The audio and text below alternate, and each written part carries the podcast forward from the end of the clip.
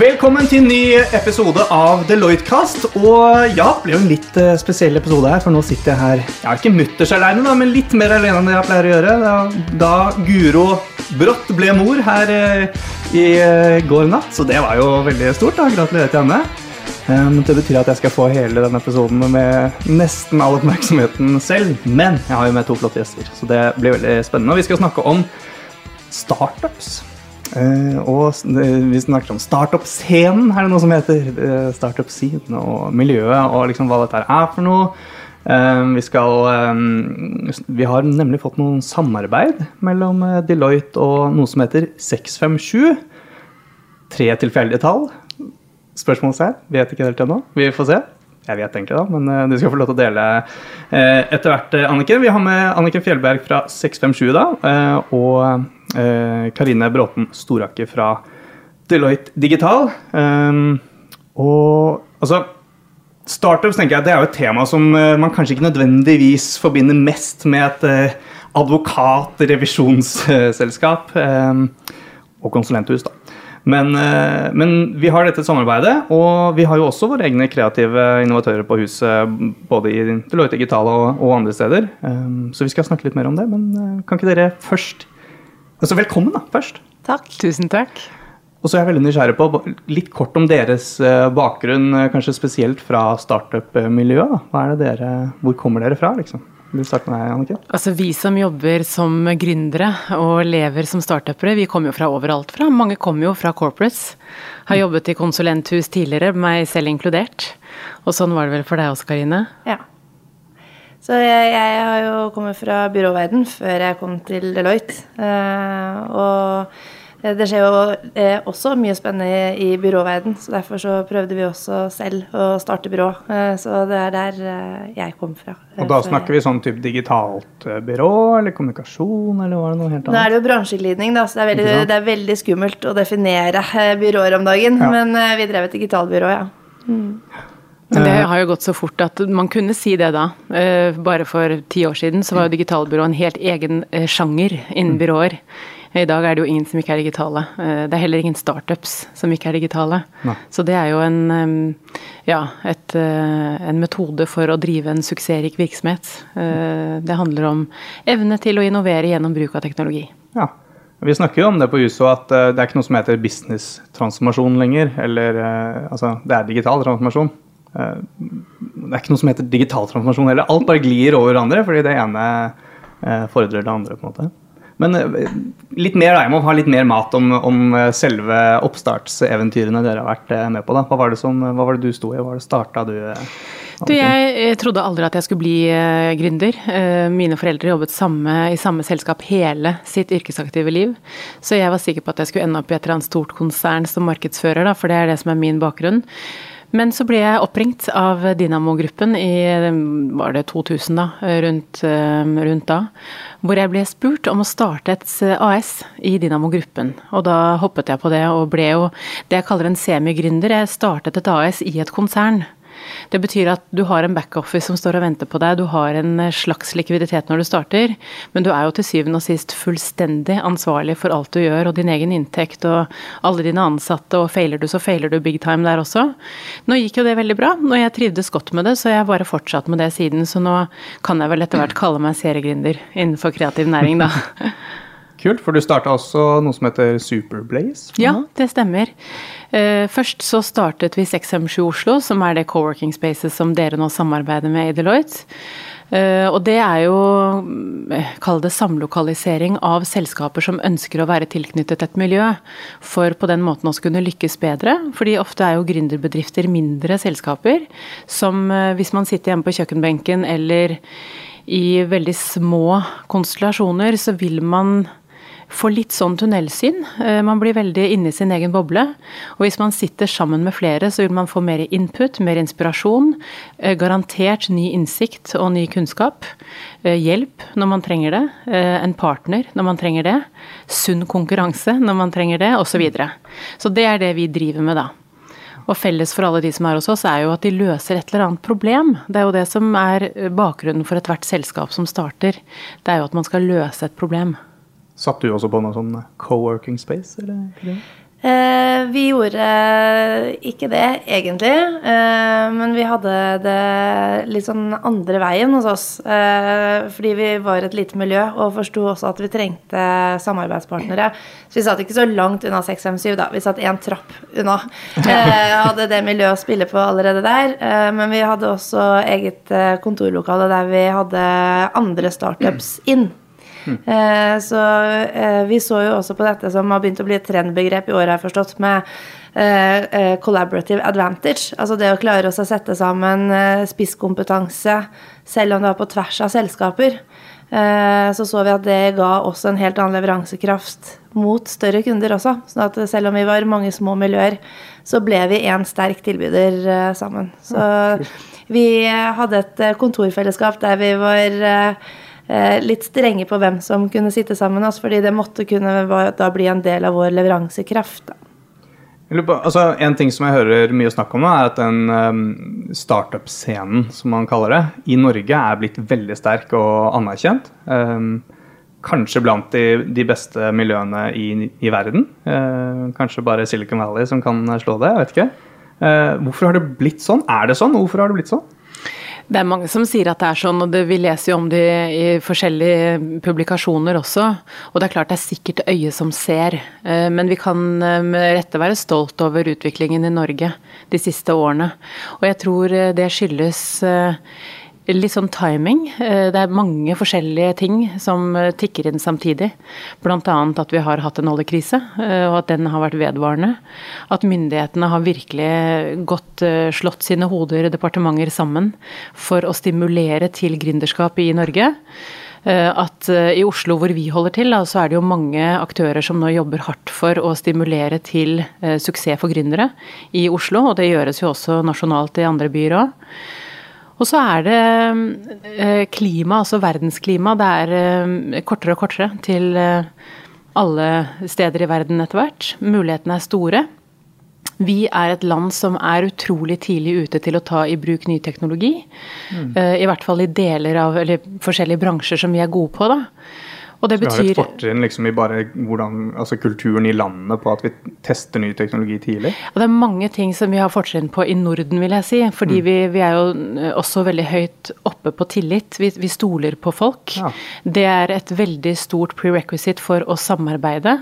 Og som Karine Karina akkurat sa, det er jo collaborative eh, kompetanse som gjør om du klarer å bevege deg raskt nok. At ikke du er i statiske konstellasjoner, men at du er i dynamiske konstellasjoner og klarer å raskt bytte partnere eller skaffe deg nye partnere når du trenger å utvikle deg.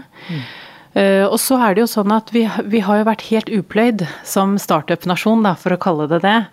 Så hvis du spør en, en person i London f.eks. innenfor fintech om det er lett å være gründer i fintech i London for tiden, så tror jeg det er vanskeligere enn å være gründer innenfor hva som helst i Oslo i dag, for det er så stor andedam som er så, u, er så ubenyttet. Da. Det er plass til veldig mange, og det er mye spennende som skjer. Lett Så vi er emerging, ikke sant. Vi kommer nå. Med, ja. Og, så, og så tror jeg også det er uh, veldig positivt at det har blitt litt trendy å være entreprenør. Det har vært trendy å få lov å tenke litt annerledes. Og det, før så ble man ansett som litt mer sånn eh, eksentrisk hvis man startet egen bedrift, mens i dag er det på en måte anerkjent som kanskje like stor prestisje da, som det å jobbe i konsulenthus. Mm. så prestisjen for, fra og det å være gründer og entreprenør, det er, den har også økt. Det har blitt mer akseptert, på en måte. Ja. Men da blir det også fort en hype, og det ser vi jo også. At det er veldig mange Det er veldig trendy å være gründer nå. Og det er veldig trendy å drive huber og akseleratorer og, og blir sånt. ganske mange av dem i Oslo. Ja, men det har, har det vært behov for òg. Sånn Ja. at det er bare bra. Men, men, eh, men etter hvert nå, det er jo som enhver livssyklus, ikke sant. Du, du skal ha en ganske kraftig oppsving for å, å nå et metningspunkt, og vi er ikke der enda i det hele tatt. Sånn som andre mer erfarne startup-byer merker at det er trangt om plassen. Det er også et kvalitetstegn, for det betyr at det bare er de aller, aller flinkeste som når opp. Mens i Oslo nå så er det ganske det er relativt eh, enkelt å komme i gang, da. Og så vil man jo etter hvert som man drar seg gjennom startup-trakten og verdikjeden, kjenne at eh, hvis ikke du er flink nok, eller du traff timing riktig, så vil du ikke klare det. Men, eh, men det er litt sånn eh, eh, Ja, eh, hva er det det heter? Eh, gullrush, på en måte. Det Ja. er Mange prøver seg nå. Så det er jo det en hype består av også, at det er eh, rush til eh, å komme over målstreken. Jeg lurer på om vi skulle bare fått noen sånne begreper unna veien. Bare sånn eh, i starten her. Inkubator, akselerator, co-working space, collaboratory, bla, bla. Altså, hva er, eh, hva er alle disse tingene? Altså, akselerator, inkubator, hvis vi skal starte der. Det er vel en slags skala av eh, involvering fra investor og litt sånn, har jeg skjønt? Hva er greia? Det brukes litt om hverandre. eh, Men min eh, definisjon når jeg snakker om det, er at en inkubator, det er liksom klekkehuset. Der kommer du med en idé, og så skal du finne ut av en forretningsmodell på den. Eh, Så det er jo der hvor du på en måte klekker ideene. Der inkuberes det. Eh, Når du har funnet ut at du har livets rett, da kan du begynne å vokse selskapet ditt. Altså da, enten så er du allerede da klar for å sette deg i et co-working space hvor du egentlig sitter, leier deg en plass. Du er mer hjemme og, klarer deg selv. Du har ikke masse support rundt deg, men noe. Eh, Men når du henter din første store runde med kapital, da er du klar for en akselerator ofte, fordi da skal du akselerere, altså vokse. Så det er vekstbedrifter ofte som sitter hos akseleratorer. Da. Og akseleratorer er veldig ofte drevet av investorer eller selskaper eller akademia som ønsker å stimulere en viss type selskaper. Det samme gjelder inkubator, veldig ofte drevet av f.eks. akademiske institusjoner, eller også selskaper. Men det er vanskelig å tjene penger på inkubatorer og akseleratorer hvis, hvis ikke du har eh, funding fra før av. Det, det er en langsiktig form for investering, da. Og på samme måte som disse miljøene eksisterer for små startups, så tror vi i Deloitte at eh, man trenger også samme type mekanismer for eh, større selskaper. Fordi at man er nødt til å retenke livsgrunnlaget sitt eh, mye oftere i dag enn man gjorde før. Så må man ha et sted hvor den ideen eh, kan bli ivaretatt, testet, hvordan man kan vokse den. Eh, så man ser jo egentlig på akkurat det samme miljøet her, men for større selskaper som skal på mange måter gjennom akkurat samme reisen som en startup. Men er det da bare så jeg forstår det riktig, er det da også i en setting En akselerator, er det også samarbeid på tvers av startups da? Sitter man typisk sammen da og tester ideer på tvers da og sånt, eller Ja, det det kan man gjøre, definitivt. Noen akseleratorer eh, er jo drevet av venturekapitalselskaper som har en portefølje med vekstselskaper som de har investert i. Som de eh, ikke alltid, men noen ganger tilbyr i hvert fall samlokalasjon. eh, Altså at de kan sitte sammen eh, og lære av hverandre. De har ofte samme mentorer. Du, har jo, du deler jo en felles investor eh, noen ganger. Mens eh, du har også akseleratorprogrammer, som f.eks. Innovasjon Norge har jo akseleratorprogrammer for selskaper som skal ut i verden, og så samarbeider de da med eh, ja, akseleratorer i andre land, i andre byer, som et landingssted for norske gründere. Det fins veldig mange ulike former på det. Men ville det vært det samme når selskaper skal da teste ut nye ideer i en, eh, i en slik akselerator? Da blir det plutselig konkurrentene blir samarbeidspartnere, da? Ja, det kan, det kan det være, men det man ser er at en akselerator for et selskap er veldig ofte at man eh, trenger både rammer for å få lov å teste nye ideer. Eh, man trenger sannsynligvis annen kompetanse enn den kompetansen bedriften har, eller man er nødt til å trene kompetansen bedriften har for å tenke annerledes. Så akseleratoren hos oss er jo mer sånn for å prøve å ivareta akkurat de samme mekanismene, men for større bedrifter, da. Ja, og hva, er what's in it for us eh, da? Hvis vi, vi hjelper folk med å teste ut nye ideer og vi Vi får jo lov å være med deg og lage disse ideene. Det er jo det som driver alle eh, hos oss. Eh, så, eh, og, eh, og det også, eh, som Annike nevnte, at Norge er jo spesielt god på noen bransjer. Og jeg tror vi alle nå får et litt sånn eierskap til at Norge også skal klare seg i en ny global verden. Eh, og det å få lov å være utfordrer og teste nye ting og være med liksom norsk industri eh, på, på å sette en ny retning, det er jo kjempespennende. Det vil jo hvem som helst ha vært med på. Ja, ja, definitivt. Og her er det jo resirkulering av kompetanse fra håper å si, eksisterende næringer til nye næringer. Bare se helsetek nå, som Deloitte jo jobber mye med. Eh, det er jo utrolig mye kompetanse man kan dra nytte av da fra oljeindustrien og, og hva man har klart å utforske på havs, havsens bunn tidligere. Mm. Men, eh, men, det å ha noen som fasiliterer det, det skal man ikke undervurdere. fordi når man er gründer, så er man utrolig fokusert eh, på akkurat det man skal levere på. Uansett om man er i et konsern, eh, som du snakker om, Karine, eller om man er en ekte startup som starter med to tomme hender og en god idé. Eh, og det er der, tenker jeg, at eh, kompetansemiljøer som jobber med fasilitering, som kan de tingene som både dere og vi kan, kommer inn i bildet. Som noen ganger fødselshjelp, andre ganger veksthjelp. Noen ganger bare å dra en lean-prosess eller en designsprint for å komme ut av et spor og inn på et nytt. Mm. Eller en koblingsarena. Ja, og så fokusert testing. Man tester ikke for å feile. Eh, det er ikke bare derfor man tester. Eh, det er jo det også å lære, eh, å sette læring i prosess, som veldig mange trenger hjelp med også. Vi, og, og, i struktur? Og i struktur, mm. ja. Gjerne. Sånn at man kan ta ut også den læringen som Nå nevnte du designsprint, som kanskje er et nytt sånt begrep, men det er jo det å klare å jobbe tidsbegrenset med en problemstilling, fokusert, eh, det har en enorm effekt. Eh, man blir tatt litt ut av egen hverdag og får lov å fokusere på en ny problemstilling. Mm.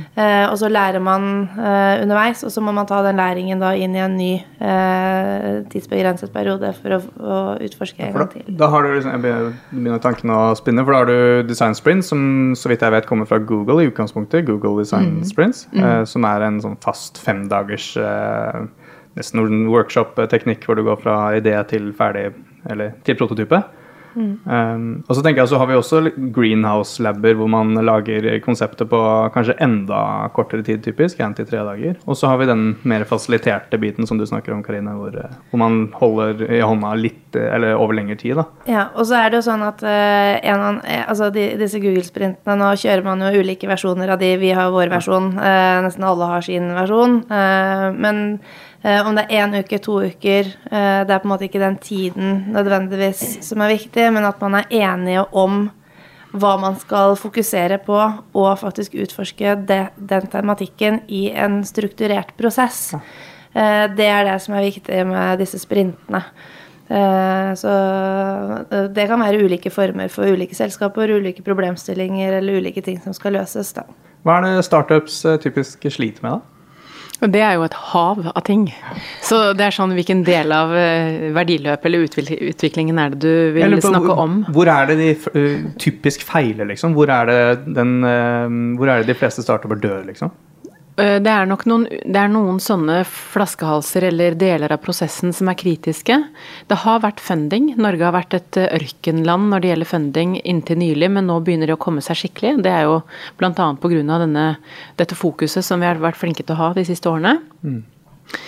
Men sånn generelt sett, da. Eh, du spurte om Superblaze i stad, som er det andre selskapet mitt, som jeg driver sammen med flere partnere, og som er vårt kompetansemiljø også på 657. Eh, vi ser jo at selskap... Det er typen kommunikasjon, PR, den type ting? Det er kommunika et kommunikasjonsbyrå som også jobber mye med forretningsutvikling for kunder. Men, men, det vi ser der, eh, det er at innsiktsfasen, altså det, det, du baserer beslutningene dine på i starten, når du skal verifisere hypotesene dine, hvis ikke innsiktsgrunnlaget ditt er godt da, så, så blir jo hele kartet feil. Så det er første skikkelig, eh, kall det hurdle, i utviklingsløpet. Og Det er jeg sikker på at dere også kjenner igjen, Karine. Ja, og innsiktsfase eh, er da altså ikke nødvendigvis en eh, god økonomisk analyse av et marked. Eh, det er jo det som ofte eh, er en slags misforstått eh, tilnærming til innsikt. Eh, det er ikke en introvert øvelse. Det er det å også klare å få dette testet, markedstestet, snakket med folk, potensielle kunder. Få et litt mer kvalitativt innblikk da, i, i mulighetsrommet ditt og se at pro, pro, altså din, din løsning på problemet er riktig. Og det som ofte er feilen mange begår, det er at de tenker at målgruppene er som dem selv. Og det er klart det er en forenkling eh, å, å, si at mange gjør den feilen. fordi det er klart at man, Vi blir jo flinkere også som eh, startup-nasjon til å ikke gå i disse feilene. Men det som vi merker at veldig mange lurer på, det er jo millennials og generasjon Z. Hva tenker de? Hvordan skal vi nå de? Eh, hvem er de? Eh, de er veldig forskjellige fra oss voksne folk. Så det vi har gjort, er å samle et miljø hos oss på 6M7 som heter uh, Untold Stories, uh, eller Insight kaller vi det nå. Og det er en gjeng på Nå er det ca. 450 unge mennesker mellom 15 og 30 år, mange av dem er studenter, som studerer på ca. syv akademiske institusjoner rundt omkring i Stor-Oslo og som er med på å jobbe inn mot næringslivet eller startups i forhold til å bli en del av prosjekter i de delene av prosjektene hvor dette er viktig. Fordi det er et så stort gap mellom det etablerte og det som kommer. Det blir jo bare større og større. Uh, og det vi ser er at de unge som, som, kommer opp i dag, de ønsker ikke å jobbe. Sånn som vi, uh, da vi kom ut fra skolen, så ville jo vi gjerne inn i et konsern, gå karriereløypa. Uh, mange av oss tenkte aldri på at vi skulle starte noe eget, mens de som kommer ut nå, de er frie sjeler. De ønsker i langt større grad å påvirke ikke bare selskapet de jobber i, men også samfunnet. Og de er ikke redde for å starte for seg selv. Sånn, bloggbevegelsen har bare tatt helt overhånd. At du kan bare skape hva enn du vil. Du kan starte en Instagram-konto eller en eh, YouTube-konto eller en blogg, og så plutselig så er du verdenskjent, liksom. Det er nesten sånn at den mentaliteten der har man tatt inn i næringslivet, liksom. Mm. Det er jo helt utrolig kult. Ja, og fordi, at, eh, og, og, og fordi da når vilkårene er til stede for at små bedrifter kan konkurrere med store, det er jo da det blir eh, litt spennende konkurranse i markedet også. Eh, og det er jo det som egentlig gjør at vi ønsker at våre kunder også skal se litt i startups. Fordi at når de beveger seg så fort, og det etablerte beveger seg litt for sakte, så er man nødt til å lære noen av de Altså Man må i hvert fall vite hvor konkurransefortrinnet til en startup ligger eh, når man får ny konkurranse. da. Og så vil jeg si I forhold til en innsiktsfase vi har, eh, I kommunikasjon og digitalbransjen så har på en måte innsiktsfasen vært en sånn, det har vært en kjempeviktig del av alle prosjekter. og Man er veldig opptatt av eh, kundefokusert utvikling osv. Vi ser jo også nå at ikke dette er, altså det er ikke bare én fase. Det er om å gjøre involvere de samme, den samme målgruppen hele veien eh, i produktutvikling, og også etter at produktet er lansert, fordi nettopp at verden endrer seg så fort. Eh, og man jobber agilt og, og, legger på flere funksjoner og utvikler iterativt underveis. Liksom. Du blir ikke, ferdig. Ikke ferdig eh, og det, vi bruker jo veldig ofte også da selskaper som sitter og 657 når vi skal forklare dette til større bedrifter, om hvordan eh, et selskap som har gått i konkurranse med taxinæringen, sitter hver torsdag på en kafé og snakker med sine brukere for å se hvordan de skal videreutvikle eh, prosjektet sitt så gir jo det en veldig annen kunnskap om den målgruppen de begge går etter, eh, når man skal lage produkter som treffer. Mm. Jeg synes det, det, altså det, å kjøre pilot, da, for å ta det, kontra å eksperimentere med noe, er liksom to helt forskjellige inngangsmåter. Altså når, du en, når, du skal eksperimentere, så er det lov å prøve og feile, og du, du, er, du er, i det for å se egentlig hva som funker, hva som skjer. I en pilot så skal du teste altså Hvis det ikke går bra da, da ruller det hodet, liksom. For da gikk ikke den ene sjansen vi hadde til å teste, for det, det er det hele prosjektet lener seg på. Den ene piloten, liksom. Sånn, ja, men der begynner det også å bli en uh, annerledeshet i, og aksept da, fra også kunder som betaler ja. for piloter. At en pilot er ikke altså, Begynner liksom begrepet å endre seg litt, eh, kanskje òg? Det er i hvert fall ikke, som et, det er i hvert fall ikke som et fly. sånn at det er ikke totalvrak hvis den piloten går rett ned. Det går, opp, eh, altså det går an å ta i seg det som fungerte og ikke fungerte i den piloten, og bygge videre på det. da. Det er også litt sånn fordi du kan gjøre endringer kjapt. Det tar ikke et mm. halvt år før du skal komme med en ny pilot. Du kan rette opp feil ganske fort. da. Det tror jeg er en ganske sånn kulturforskjell og en forventningsavklaring som jeg tror ikke Den er ikke lik hos alle, da. Altså, jeg tipper dere har gjort en ganske god jobb på å forventningsavklare hva den piloten i så fall skal gå ut på. Da. Vi må jo i hvert fall få våre kunder til å gå om bord i samme båt som oss. Eh, og da må man være Altså hvis man skal klare å skape noe nytt, så må man jo klare å også teste noe nytt sammen. Og det er, det er vanskelig, da, fordi man må stole på hverandre. Eh, mm. Så det er jobben vår. at eh, vi må vise at vi er gode på det vi er gode på, og så må kunden stole nok på oss til at de deler deler det viktige informasjonen vi trenger for å lykkes. Mm. Uh, ja. For det er jo ofte det vi ser på 6M7, det er at uh, for at man skal klare å, å innovere i store konsern, så er det vanskelig noen ganger å komme seg rundt og forbi de etablerte systemene og måten å tenke på i, i store selskaper. Og vi har hatt flere eksempler på store selskaper som har satt team hos oss i perioder for å nettopp innovere. Så et eksempel som jeg vet jeg kan snakke om, det er Tine, som også dere har hatt her på deres frokostseminar. Som fortalte om et av prosjektene. De har sittet hos oss i nesten et år, hvis jeg skal legge sammen alle periodene de har sittet hos oss. Så har de leid seg eh, et åpent landskap hvor de har sittet med eh, teamet fra Tine Eh, et innleid konsulentmiljø hvor vi har vært deler av det innimellom, og et kodemiljø. Og så har de i løpet av de månedene utviklet tre nye konsepter for Tine. Som er helt forskjellig, som er helt utenfor kjerneområdet til Tine. Og som nå alle tre er eh, gått videre. Eh, det ene ble styregodkjent, og det andre var KL-godkjent. Eh, konsernledelsen? Ja, eh, altså, poenget mitt er at det går høyt opp i, mm. i, konsernledelsen og også opp til styret, for dette er helt nye ting. Mm. Eh, som, eh, som, det teamet da som, som, har jobbet med det hos Tine, eh, har sagt at det har vært helt essensielt å sitte ute av eget hus ja. i den perioden, fordi man har måttet jobbe helt annerledes enn det man er vant til.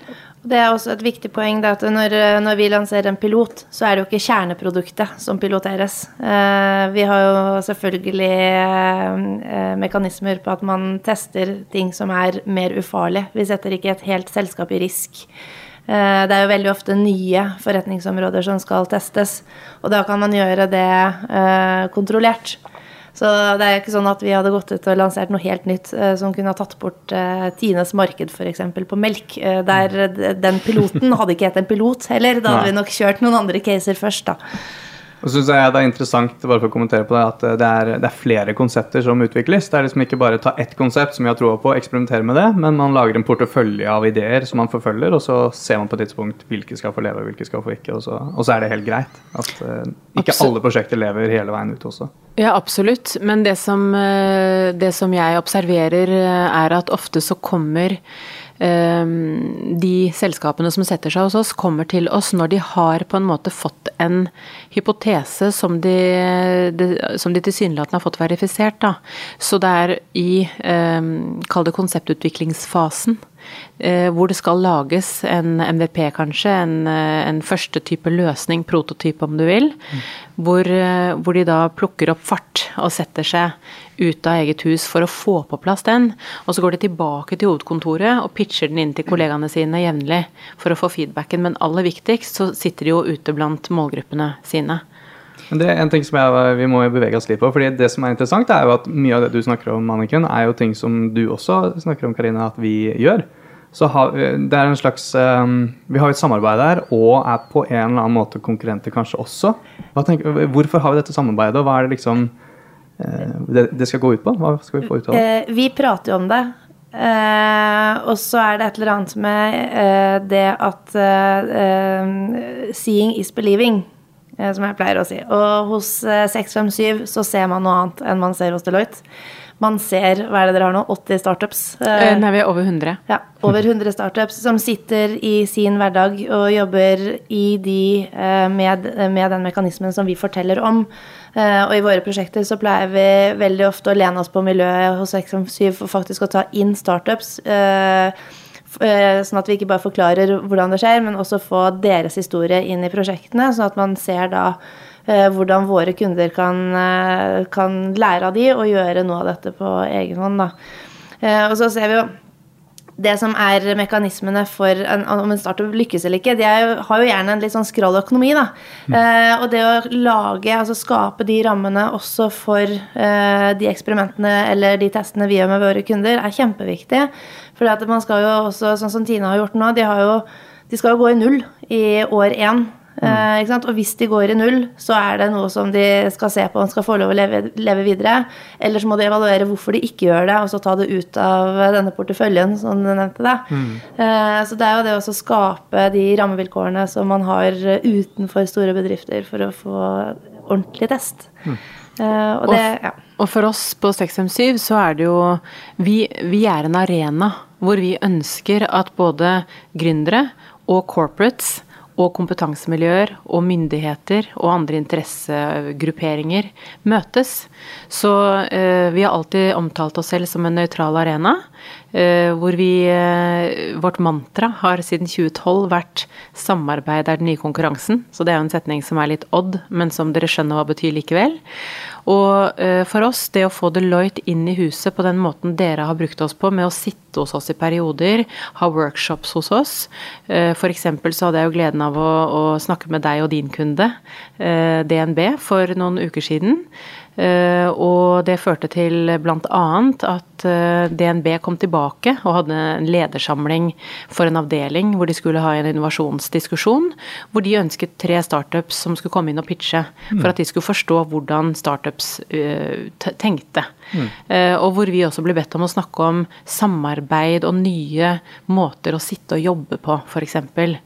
Eh, så, så det, det, det, er veldig mange biprodukter, eller bieffekter, av det å være en arena sånn som det. Uh, og for oss, med da over 100 uh, gründere på huset, altså selskaper, vi er 250 mennesker nesten, så er Deloitte også et vindu ut til en corporate-verden som veldig få av våre kall det medlemmer, da, har tilgang på. Og mange av deres kunder er også potensielle investorer i startups hos oss. Og Karine har jo kommet med veldig mange av sine kunder inn våre dører gjennom tidene. Eh, og noen av de har jo vært interessert i å investere i noen av våre startups. Så igjen, da, 657 er jo en fasilitator, eh, en arena, en koblingsplass. Som, eh, som har mye mer puls og, og fart og liv når sånne som dere bruker oss. Så for oss er det viktig. Og så tror jeg også vi har jo, vi har jo faste plasser, eller fleksible plasser, eh, hos 657 eh, som, eh, som, alle i Deloitte kan eh, benytte seg av. Altså arbeidsplasser? Arbeidsplasser, ja. Mm. Eh, og det er, eh, det er også noe jeg tror litt på, at man skal gå utenfor eget hus mm. for å kunne snakke om ting som er viktig for sine kunder. Og det å oppleve et startup-miljø er en verdi i seg selv for oss som jobber i Deloitte. Så det å kunne ta en eller to dager der eh, i året eller i kvartalet eller i måneden, alt ettersom man ser behovet, det, er, det tror jeg er en kjempeverdi. Eh, også for oss som jobber i konsulentbransjen. Jeg har sittet der selv, jeg. Det gir masse energi og inspirasjon. Og bare, nesten bare det å dra dit for å spise lunsj. Ja. Knekkebrød og makrell i tomat, liksom. Eh. Nå har vi også fått noe som heter Ærlig kafé, som er en eh, fantastisk kvinne som kommer inn hver morgen med en helt nydelig mat som hun setter på kjøkkenet eller i inngangspartiet hvor vi har en kafé. Og så tar man det man vil ha, og vippser henne penger. Så det er jo bare å komme, altså. Jeg fikk nemlig litt uh, kommentar. Å ja, så dere er mennesker dere også, som spiser knekkebrød dere òg, liksom? Nei, men det er klart at det er jo litt kulturforskjell. Ja. Uh, i, og særlig fordi 657 er jo også uh, blitt Norges største co-working space for det vi kaller på engelsk creative industries. Eh, som på norsk heter kreativ næring. Dvs. Si det er tolv ulike bransjer som sitter hos oss, som er til dels kreative alle sammen. Og det gjør at innovasjonsgraden eller kreativitetsevnen er veldig høy i vårt hus. Og det tror jeg, for i hvert fall de situasjonene som jeg har opplevd med dere to da, og deres kunder, eh, det at dere viser deres kunder eh, den type hus og arena, det gir jo også verdi til deres prosesser. Og det gjør jo man kommer raskere ut av boksen når man setter seg ut av huset en dag og mm. jobber i et sånt miljø, enn om man f.eks. skulle vært i Bjørvika konferansesenter. Mm. Vi skal snart runde av, men jeg må høre litt mer, vi må, må grave litt mer i den forskjellen her, for det er litt interessant. Altså, dere har jo begge jobbet med startups, og dere har også jobbet med corporates, som det heter. Hva er liksom den store forskjellen mellom å, å jobbe i en liten startup og i store maskinerier som er Deloitte? Eh, jeg tror at eh, eh, Deloitte har en enorm bredde. Vi har, når vi møter en kunde, så betyr det komplekse problemstillinger. Det betyr at de, og fremover også trenger hjelp til veldig mye mer enn tidligere. Særlig fra noen som, som begynner digitalt. da. Eh, så det å klare å sette de eh, i stand til å se eh, andre som har løst tilsvarende problemstillinger, eller få en best practice som ikke er Google, men som er litt mer Som er nærere. Det tror jeg er på en måte det som vi kan hjelpe de med. Og vi lager jo ting. Vi bygger tjenestene. Vi Eh, hjelper de å, å, gå globalt. Vi har et fantastisk nettverk i Deloitte som gjør at vi kan teste emerging technologies. Vi har blockchain lab i Dublin og på en måte har veldig mye tilgjengelig i vårt nettverk. Men når man skal ned og se på hvordan mindre miljøer faktisk jobber med de samme problemstillingene, der har 657 noe som ikke vi har. Mm. Og de, kalde startup-miljøene, eh, mange av de som lykkes har også vært i store konsern tidligere. sånn at det er en kjempeverdifull bagasje å ha med seg. Det å, forstå hvordan systemer fungerer, det å ha lært hvordan man organiserer seg og strukturerer en arbeidsprosess osv. Men det er klart at den store forskjellen er jo ofte tempo og penger. Eh, du kan eh, ha topp kompetanse og fantastisk timing og, og de beste folka innenfor en ny nisje f.eks. Men eh, hvis man ikke har fundingen og ikke har midlene og musklene på den måten, så tar det innmari mye tid. Så det, mm. Der eh, er man jo ofte heldigere stilt i store systemer. Eh, fordi man har ofte likviditet og, funding. Men der har man også ofte mye tyngre prosesser. Mm. Så det er jo, kall det fordelen da, når du er en startup, er at du, du kan snu deg på en femøring. Du, noe kan skje over natta. Du er utrolig utrolig tilpasningsdyktig. Så jeg tenker jo at det er det som gjør at det er lurt å samarbeide. Startups og corporates. At den ene har det den andre mangler. Mm. Og det en ting som er, altså Guro har jo fortalt eh, litt her på podkasten eh, om eh, hvordan det opplevdes for henne da, å komme utenfra og inn. Eh, litt over til the other side, som hun eh, kaller det. Eh, det er jo gjerne, kanskje litt sånn uglesett det å gå inn i en sånn stort jeg vet ikke, miljø når du har vært på egen hånd. Men det hun sa, var at hun ble mm, overrasket over hvor likt det var. Fordi du står på mange måter altså Du er i et system, du får støtte og sånne ting, men på, på en annen side så blir, står du også litt på egne bein. da. Og det er opp til deg å bygge det nettverk, nettverket du trenger for å få oppdrag og for å liksom bli tatt med på de tingene som du ønsker. Og, så, og du må utvikle litt sånn egne perspektiver. Hva står du for egne tjenesteprodukter? På en måte, da. Du har selvfølgelig mye å lene deg på, men det, jeg syns det er interessant å høre hvor likt det egentlig var, egentlig var også. Noen tanker om det? Uh, jeg tror veldig mye er likt. Uh, og så tror jeg at man skal uh, anerkjenne det som er ulikt. Mm. og det er, jo ikke, det er jo ikke én ting som er rett og én ting som er galt. det er noe Deloitte er kjempegod på, og som vi skal være best på fremover også, som er Eh, som er det å hjelpe og rådgi eh, kundene våre eh, med en bredde og den tyngden vi har. Og så er det andre ting som vi må lære våre kunder i dag. Og det syns jeg er det som er mer spennende fra sånn startup-verden. Sånn at vi hva skal vi si, hva er forskjellen på Anniken og meg? Jo, altså Anniken er gründer, og jeg sitter nå i Deloitte og forteller folk hvordan eh, man bør tenke som en Anniken. Men jeg kunne like så godt hatt Karines jobb, fordi jeg er jo også rigget for det, og det er også min bakgrunn. Mm. Så det er jo egentlig, for meg handler det mye om sånne livsvalg. Hva har du lyst til å gjøre som individ? Og det å ta skrittet fra å være gründer til å jobbe i Deloitte, for å være helt ærlig, det tror jeg ikke er så stort i forhold til at du må skape din egen hverdag. Det er konsulentvirksomhet, du er på mange måter ansvarlig for din egen eh, suksess. Mens hvis du tar spranget med å jobbe og, og, gå fra å være gründer og gå inn i en, kall det tradisjonell eldre, eh, eh, kanskje konservativ virksomhet. Linjejobb? Ja, liksom. altså det fins mm. mange selskaper i vårt land også mm. som, hvor, hvor, de har et stykke vei å gå. Og det skiftet er nok mye, mye større. Det hadde kanskje vært en fordel om de hadde tatt gründere inn og innovert seg innenfra på den måten. Men jeg tror at akkurat for dere i Deloitte, så har dere Jeg mener bare å komme inn i kontorene deres og lokalene deres, det er jo som å komme inn i en gründerhub, på en måte. Det er åpent og fresht og møteromsbasert og unge folk og den, den forskjellen er ikke så stor kulturelt, tror jeg. Mm. Og den jobben dere gjør inn mot deres kunder, og noen av deres kunder er sikkert også tradisjonsrike selskaper som er lenger unna gründermiljøene rent kulturelt.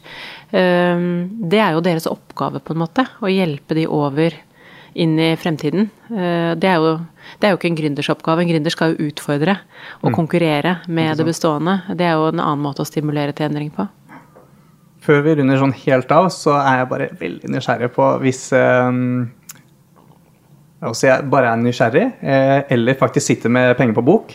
Hva er de kuleste selskapene dere har i stedet nå, som jeg i så fall burde investert i? Hva, hva er det som rører seg på huset?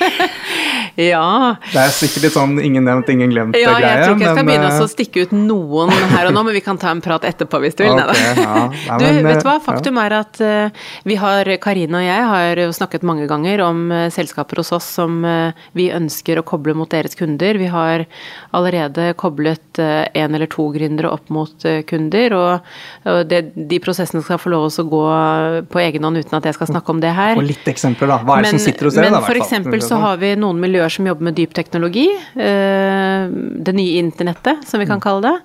Og, og de, eh, dere har jo mange kunder som også jobber med dyp teknologi, og som lurer på hva som rører seg helt fremst ytterst i det feltet. Da snakker vi ikke bare liksom blockchain, men enda et sted Nei, er, liksom. for, dem er blockchain helt sånn hæ, gidder du å drive med det? Fortsatt, eh, Her tar liksom. man bort middleware, og det er Jeg kaller det en demokratisering av, nettet på en annen måte, da. Mm. og så har du reiselivsaktører, som din kunde DNB var veldig interessert i. Eh, som kobler eh, leverandører, kall det Hvis du har en kano og bor i Rofoten, så er du en eh, reiselivsaktør. Da kan du leie ut den til noen fra Japan som har lyst til å padle dette er mellom, Nanook? Det er Nanook. Eh, og det første jeg snakket om, var Nordnir. Eh, men dette er bare eksempler. Vi har mm. også en buldreapp som utvikles på huset, eh, som heter Grytter, og som lager GPS-basert, community-skapt buldre... Kall det kart. Hvor finner du de beste buldrestedene hvis du er ute etter å det, ja, buldre er Altså fjellklatring er jo å klatre i fjell, men når du buldrer, så klatrer du på, på kampesteiner i skogen. Ja. Uh, og så har vi jo Vi har jo hatt uh, No Isolation på huset. De vokste jo opp hos oss etter at de hadde vært hos Startup Lab. Det er de som Oslo, lager denne uh, Robotavataren for mm. langtidssyke barn. Vi har Oslo Business Forum vokste opp hos oss. Fodora vokste opp hos oss. Mm. det er veldig Altså, det er altså over 100 selskaper til enhver tid, og vi har snart eksistert i seks år. Sånn at jeg kan jo holde på fryktelig lenge og snakke om spennende både investeringscaser og følge med på ting. Men uh, for meg personlig så er det noe av min motivasjon for å fremdeles være gründer etter alle disse årene, da. Uh, og jobbe i et sånt hus. For det er jo hardt arbeid og uh, mye innsats og lange arbeidsdager. Men det er altså ekstremt inspirerende å se hvordan eh, disse selskapene blir født og vokser. Mm. Og det er kanskje en av de største verdiene vi også får av 657. fordi at hvis vi skulle gått gjennom og sett på hva slags type startups er det der ute, og hvilke er det som passer til akkurat den kundecasen jeg har nå, mm. så er det en ganske vrien jobb for oss som sitter eh, utenfor startup-miljøet. Få oversikt over det. Ja, mm. Men den oversikten sitter de med hos 657, og det er også såpass åpenhet at eh, hvis ikke de har en startup som er er i forhold til den profilen vi leter etter, så finner man det utenfor 657 også. Så er det også masse andre så, Norge er et lite land. Ja, ja, så vi får jo ekstremt god hva skal vi si, effektiv hjelp med å klare å sette sammen de rette menneskene. Og det er, eh, ja, det, det er gøy når det skjer, da. Og fordi vi er et go to market space, dvs. Si at vår kompetanse er veldig veldig godt rigget mot når du skal begynne å skalere. Så hvis du har vært inkubert på Startup Lab f.eks., så kommer du ofte til oss når du skal begynne å vokse, når du har en kunde eller to, når du har kanskje tre-fire ansatte. Og så eh, hjelper vi deg på en måte ut i markedet. Videre, liksom. Og derfor så jobber vi jo tett med mange av de andre gründermiljøene. Sånn at vi samarbeider jo tett med Norway Health Tech og Leap. Vi samarbeider med Startup Lab. Eh, Vi har et veldig nært samarbeid med de største co-working spacene i alle de store norske byene. Hvor vi gjennomfører Creative Business Cup hvert år, som eh, dere jo har vært med oss til København og overvært den internasjonale finalen på. Eh, Og vi har hvis, sånn som Karine sier, dere trenger å komme i kontakt med en startup som ikke er hos oss, så vet vi sannsynligvis hvor dere finner den, og, og kan koble dere. Yes.